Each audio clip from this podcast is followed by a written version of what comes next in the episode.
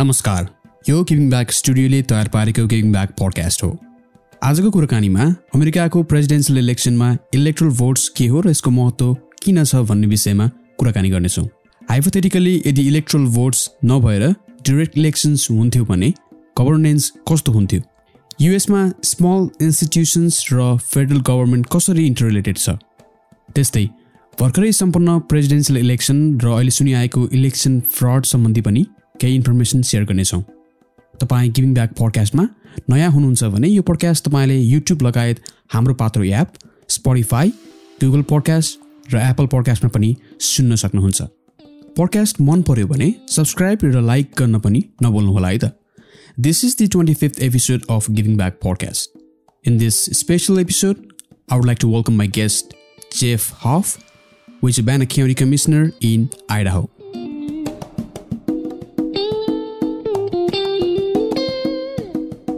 Let's get in the job. So, how are you doing, Jeff? What's going on in the Pocatello, Idaho? You know, it's winter time, and so we're slowing down for Christmas, and we got our first snow in time for Christmas. So, we're pretty excited about that. Uh, politically, everything's kind of quiet right now, waiting for the, the new legislative session to start here in a couple of weeks. So, we're just kind of in that lull, and it's all good the viewer and the listeners of this podcast mostly uh, is going to be Nepalese audience. I'm sure they are really, really grateful for your time over here. And uh, before even diving into that, I want to ask you: Have you like ever had experience uh, trying Nepalese food, or you know, getting into Nepalese culture in a way, like maybe going to restaurant? Have you ever had that kind of that kind of experience before? Yes, I have. In fact, my favorite food in the world is Indian food. And I know that's not quite Nepalese food, but anytime I have a chance to go try some Nepalese food, we have a Nepalese restaurant here in Pocatello. I've been there several times. Love it. Love the culture.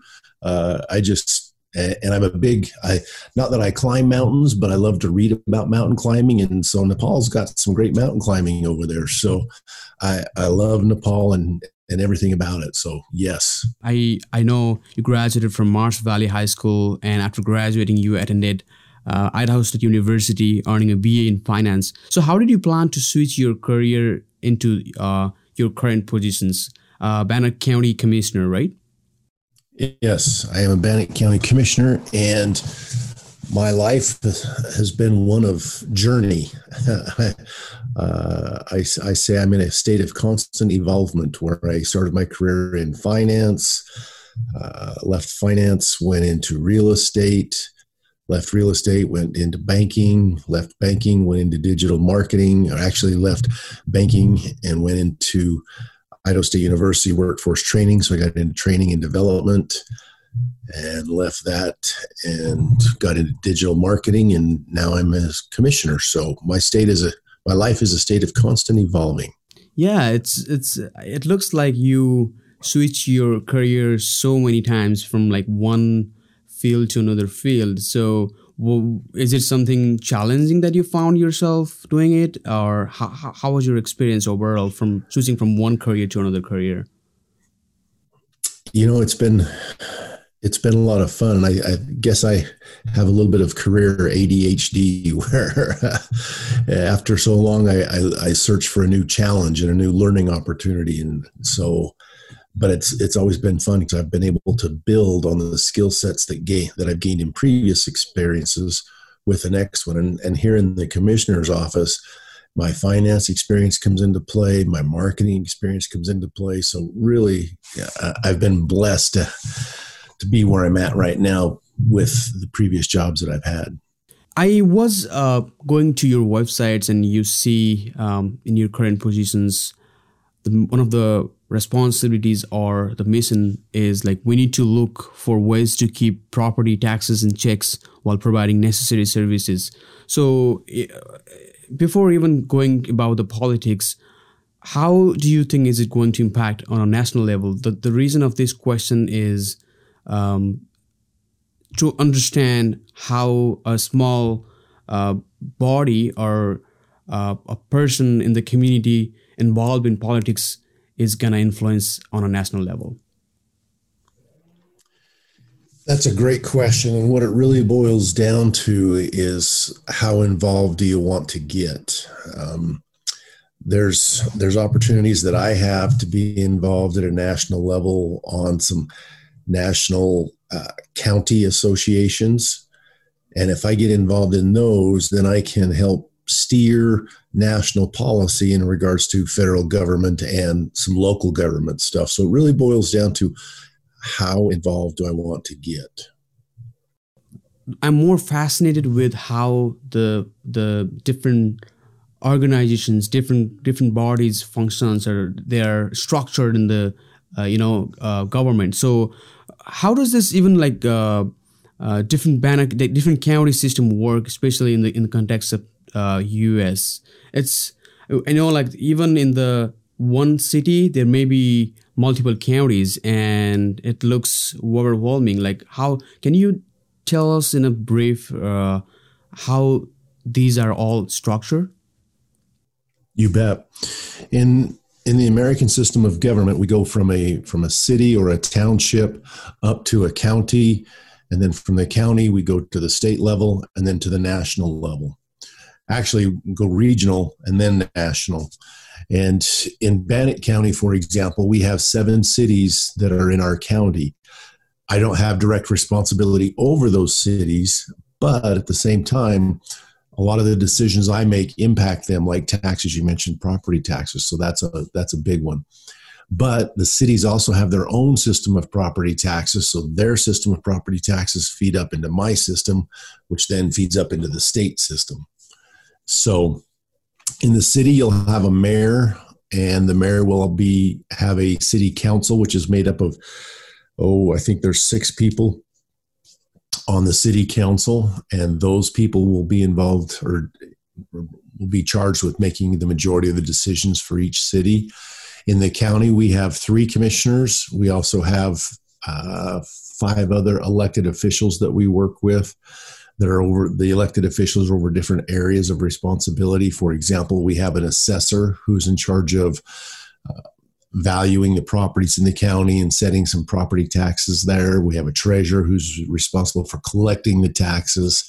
And then, of course, you've got the commissioners, and there are three three commissioners, and we're in charge of overseeing the budget, making county policies, planning and zoning, zoning ordinances, things like that. So that's kind of how the the local system of government works here in in the states. Yeah, I've been watching this and trying to learn these things since uh, I started my school at Idaho State University and uh, myself still doing some research and trying to get you know get into the politics and see how people work and how the system works. So, in terms of your uh, job, what does a county commissioner do in his day to day life? Well, on a day to day basis, I attend a lot of meetings. I sit on, I think it was 12 different boards throughout the committee. committee and a board is a, an organization that has like the, uh, the city council.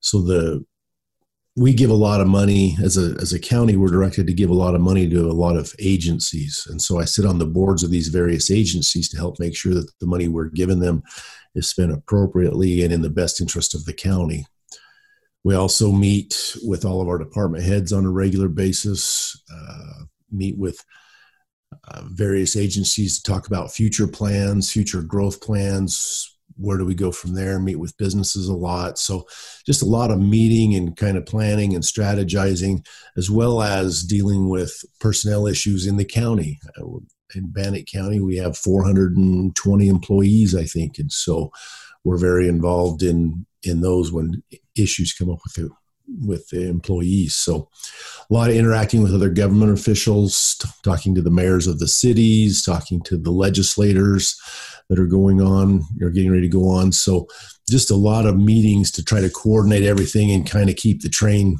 moving all in the same direction. And it's it's a lot like herding cats. Things are going everywhere, and so it's it's tough. Exactly, and even uh, governmental bodies like state employees. You mentioned about state employees. I'm sure there are different organizations within the state, and isn't it overwhelming to manage all these people and all this system government is meant to be inefficient, and I understand why, and it frustrates me a lot. But it's just something that you have to learn to deal with and learn how to navigate through. And once you learn how to navigate through it, you can actually get things done in a somewhat timely manner. So yeah, there's some frustration learning. There's so many, so many moving parts that you know just trying to get us what you would think would be a simple thing done you've got to coordinate with this group and then this group and then this group and then try to get everybody on the same page so it is a challenge i want to bring up uh, questions about the recent uh, election even uh, the recent election we saw and then the presidential election debate i had a really good uh, thoughts in my mind after watching uh, the presidential debate and the first president, presidential debate and the second presidential debate. The first presidential debate was kind of uh, different than how it used to be in the past. That's what um, I heard, and also I did some research, little bit of research watching the previous debates.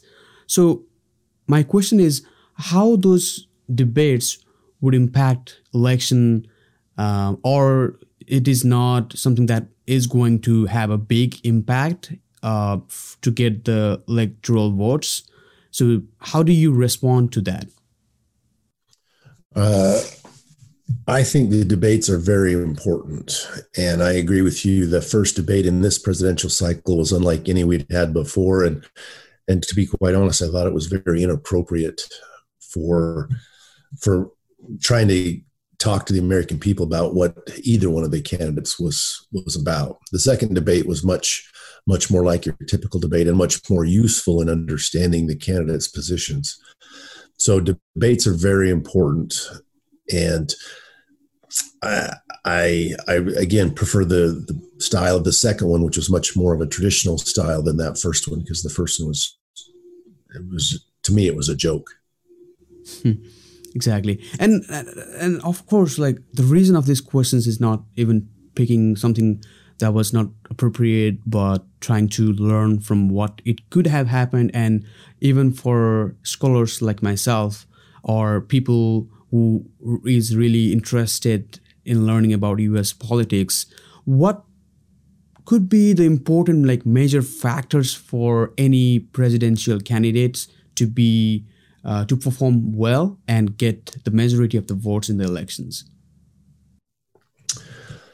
That's a really good question. And if you can answer that, then you're going to become a very wealthy political consultant. Thank you so much. yeah, yeah. You know, it really boils down to messaging. And the, the thing that's disappointing to me about America right now is we're a very soundbite driven society. And so it's all about who can get the right soundbite out there. And and I'm not really sure that the majority of people who vote actually do their research and dive into what the candidate says and what that means and how that would impact you. And so for me, that's kind of a sad thing. And at the local election, local level, we see the same thing. People are have busy lives and they're not necessarily willing to take the time to learn and to study and to understand and make a, a very informed decision. I have a lot of people calling me saying, Hey, I'm getting ready to go vote. Who should I vote for? oh, all right. Well, let me tell you who I like, and you can go from there. uh, let's talk about the projection in the presidential elections. I see different medias have been projecting the winner and if you are aware about the factors or metrics what could be those factors or metrics that would come into play in order to project the presidential winner or even other um, candidates in other elections? Well, the presidential election, as I'm as I'm sure you're aware, but it boils down to the electoral electoral college, and it's not always a popular vote that elects the the, the president.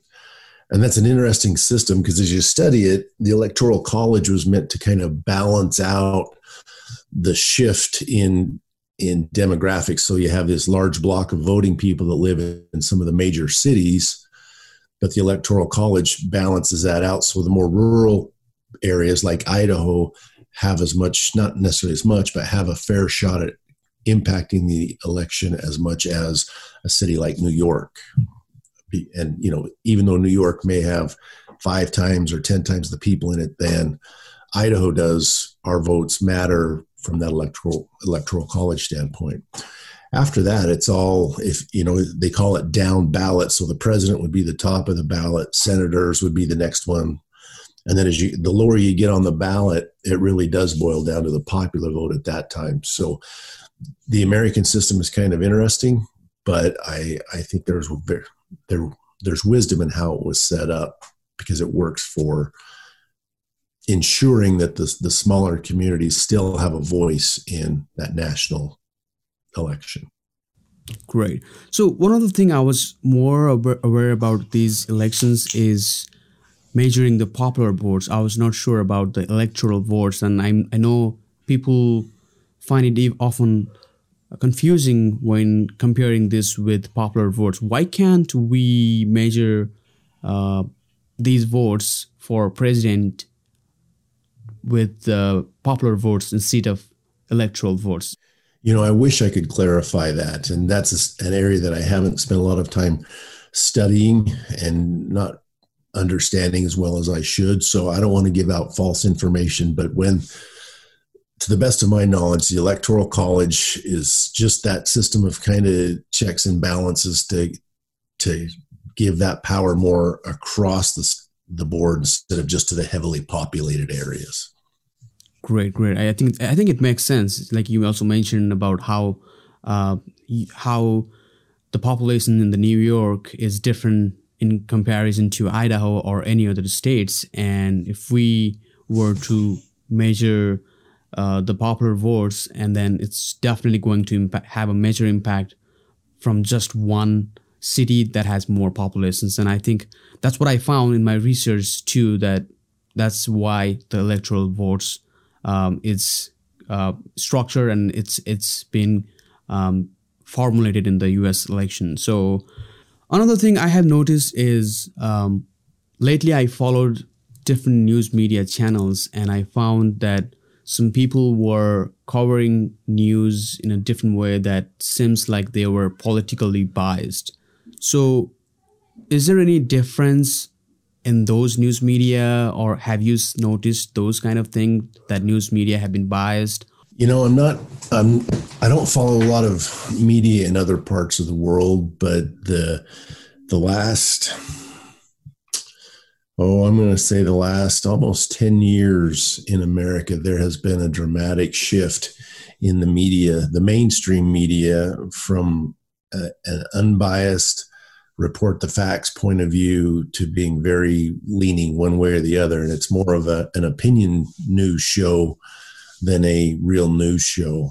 And that's been very disheartening because they get to pick and choose what they put on and how they spin it. And and again, it goes back to the the American people because we're so soundbite oriented, don't really dig into it to try to understand what the facts are and make our own decision. We just rely on the talking heads. And so as the talking heads shift and begin to share their opinion, so goes the American people to a certain extent. So uh, I, I, try to watch and pick up some newscasts from around the world. I watch a little BBC stuff, and lately I've been looking at some news from Australia and things like that. And I, I can't say they're unbiased, but it, it seems like they're a little bit more neutral uh, in their, their, their reporting of things than a lot of the American media has been. Great. And the reason I brought this question is often President Trump, uh, we see President Trump saying fake news for certain medias, and it seems even though people are not aware about seeing media as a biased media, but just after hearing that word from the president, gonna feel like, okay, is there uh, is there really a media that is really biased? You know, it just feels like we need uh, a right information. Of course, we watch television for the information, and sometimes it's misleading when compared to getting those informations correctly. So that's that's one of the things that I have realized. So I don't know how you feel about that. Well, a good example of that is the Hunter Biden news story. the information about Hunter Biden was readily available before the election. But did you hear any about anything about that in any of the mainstream news channels? You didn't. And now that it's after the election, you're hearing about it a little bit, but it's oh, there's no, yeah, Hunter Biden has these things, but there's nothing to see here. Let's just move on. So they're acknowledging that there was a story, but then they're going, hmm, no.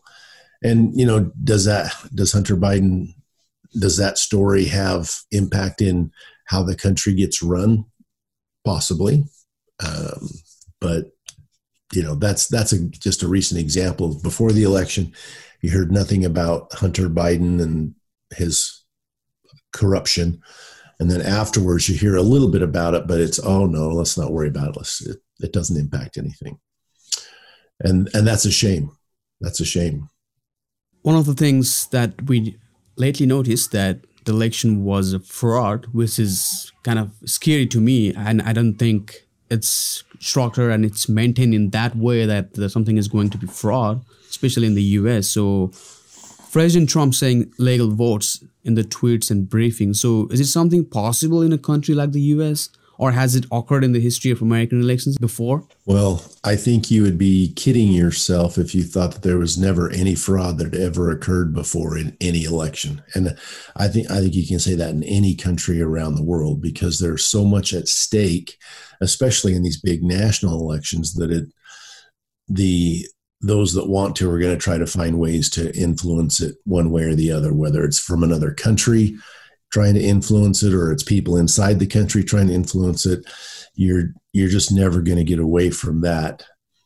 Um, you know and here's another good example of the news media. The news media says there's absolutely no way there could be any voter fraud occurring but yet we have allegations of it. So as an american citizen as a voter if there's an allegation i would like to investigate it so that we can make sure that going forward that doesn't happen again so that we can ensure the integrity of our elections.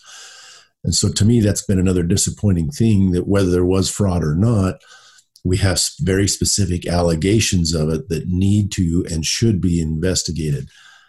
And so that's an issue that causes concern because what happens if people don't believe the elections are have integrity? Then they become disenfranchised then they don't vote. And then it then what are you left with? I mean we have a hard enough time right now getting people out to vote because in in a country of how many billion people we had what 10% maybe got out to vote 75 million people voted. So on a, on a local level we had um, what was it? In a county of 90,000 so there's 90,000 people in Bannock County and we had 40,000 people vote. So just just under half voted. So you know put, put that up to the national level and now all of a sudden it gets less and less and people become disenfranchised and then then who knows what happens. This sort of statement would impact on a national level to, you know, disenfranchise people and divide the country, or what would ha- what would be possibly happening in the future without having the proof of being a fraud. Well, for example, I think it's pretty well documented that there were, in fact, I, I was listening to the radio the other day and they talked about this. There are 1,400 people that are confirmed fraudulent voters in Georgia. They they sent in a mail-in ballot and voted in person. That is a felony offense in the United States and in, in Georgia. That is a felony offense, but none of those 1,400 people are being charged with it. So that's one allegation of fraud with some some proof. So as a voter, if I hear stuff like that, then I become disenfranchised, like we've talked about and if I become disenfranchised, then I pull away and allow the country to become even more divided because you have the folks like President Trump who's out there banging that drum, pulling a certain fraction of the country that way. You have the other pulling that way. And you can see it how fractured and divided the country is right now. Used to be, uh, you know, we had our differences of opinion, but we we all kind of felt like we were headed in the right direction or in the similar direction. Not now. Now it's it's here, and part of that is that election stuff that we're talking about. Great, great. And maybe I was in the other part of the world, and I didn't even thought about well, there could be some fraud where people would send in like in like mailing ballots and then in-person voting like i i didn't even think about that and you presented the fact and i made assumption that of course there's going to be fraud and this is something possible wherever in the world you know. So what other things could we watch or analyze in order to understand any election closely in the us you know it's a really hard thing especially in the today's age of social media and technology. Companies like google and facebook uh, they have so much control over what we see or more importantly what we don't see that they can help shape an election. So if you really want to be involved and be informed, you really have to be very diligent in searching and looking and just diving beyond the first page of that Google search to, to get the information.